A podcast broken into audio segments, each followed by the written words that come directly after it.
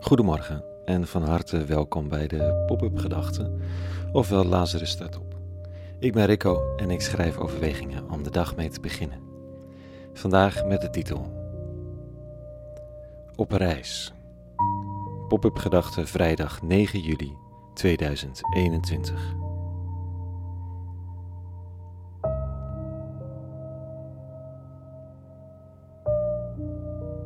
Of het er echt van gaat komen, weten we opeens niet meer zo zeker.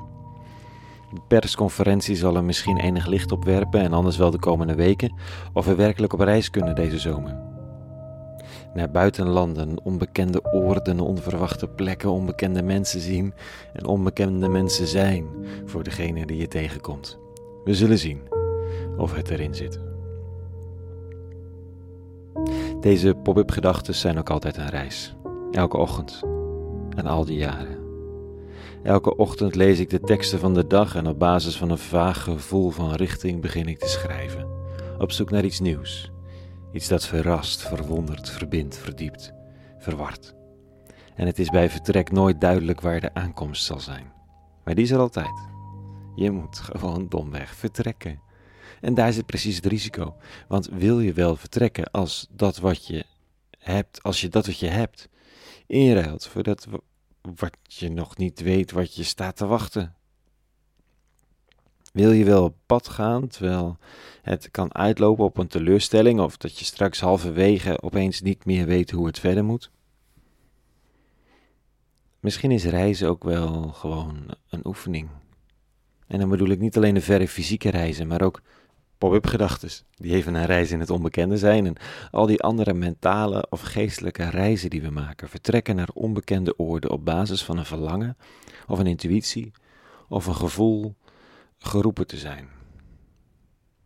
Vandaag vertrekt Jacob, de aartsvader, naar het gevreesde Egypte.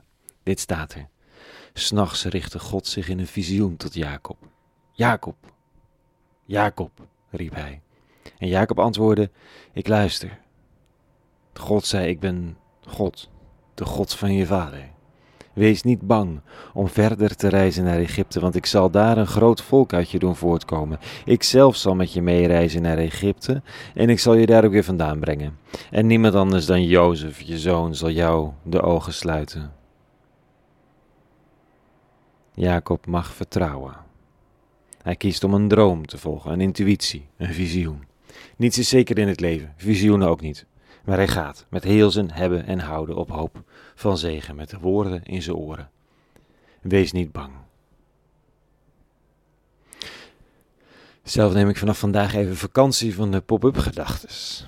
Het was een intensief jaar. De ochtendoverwegingen brachten me steeds weer richting rust en focus en tegelijk is het ook intensief.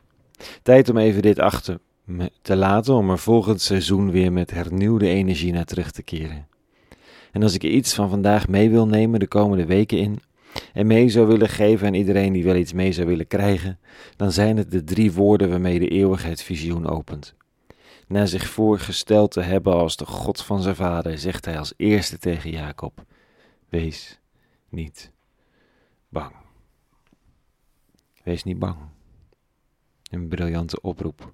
Een woordentrits om mee te dragen waar je ook terechtkomt.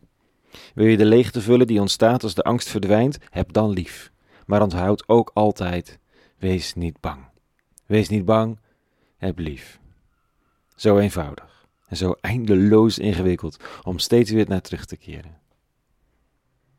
Het schrijven in de ochtenden tussen zes en zeven kan alleen als er vertrouwen is. Het werkt doordat ik ondertussen heb geleerd niet bang te zijn. Niet bang dat er niets komt. Want als er niets komt, kun je nog altijd schrijven dat er niets komt. Of in het uiterste geval, als de vingers het echt niet toelaten dat er iets op papier verschijnt, kun je nog de handdoek in de ring gooien voor die dag en gewoonweg de volgende ochtend verder gaan. Zo ook met werk, of met relaties, of met geloof, of met de worsteling met jezelf. Wees niet bang. Heb lief. En wordt het te moeilijk? Laten we dan erkennen dat het te moeilijk is. En als dat niet lukt, dan is er morgen weer een nieuwe dag. Mijn dank voor het luisteren het afgelopen seizoen, voor de reacties soms in de mail of de app of op social media. Het voelt als samen reizen op de ochtenden.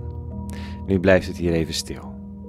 Tot in augustus. ergens rond de derde week. Voor nu en voor straks. Vrede gewenst. En alle goeds.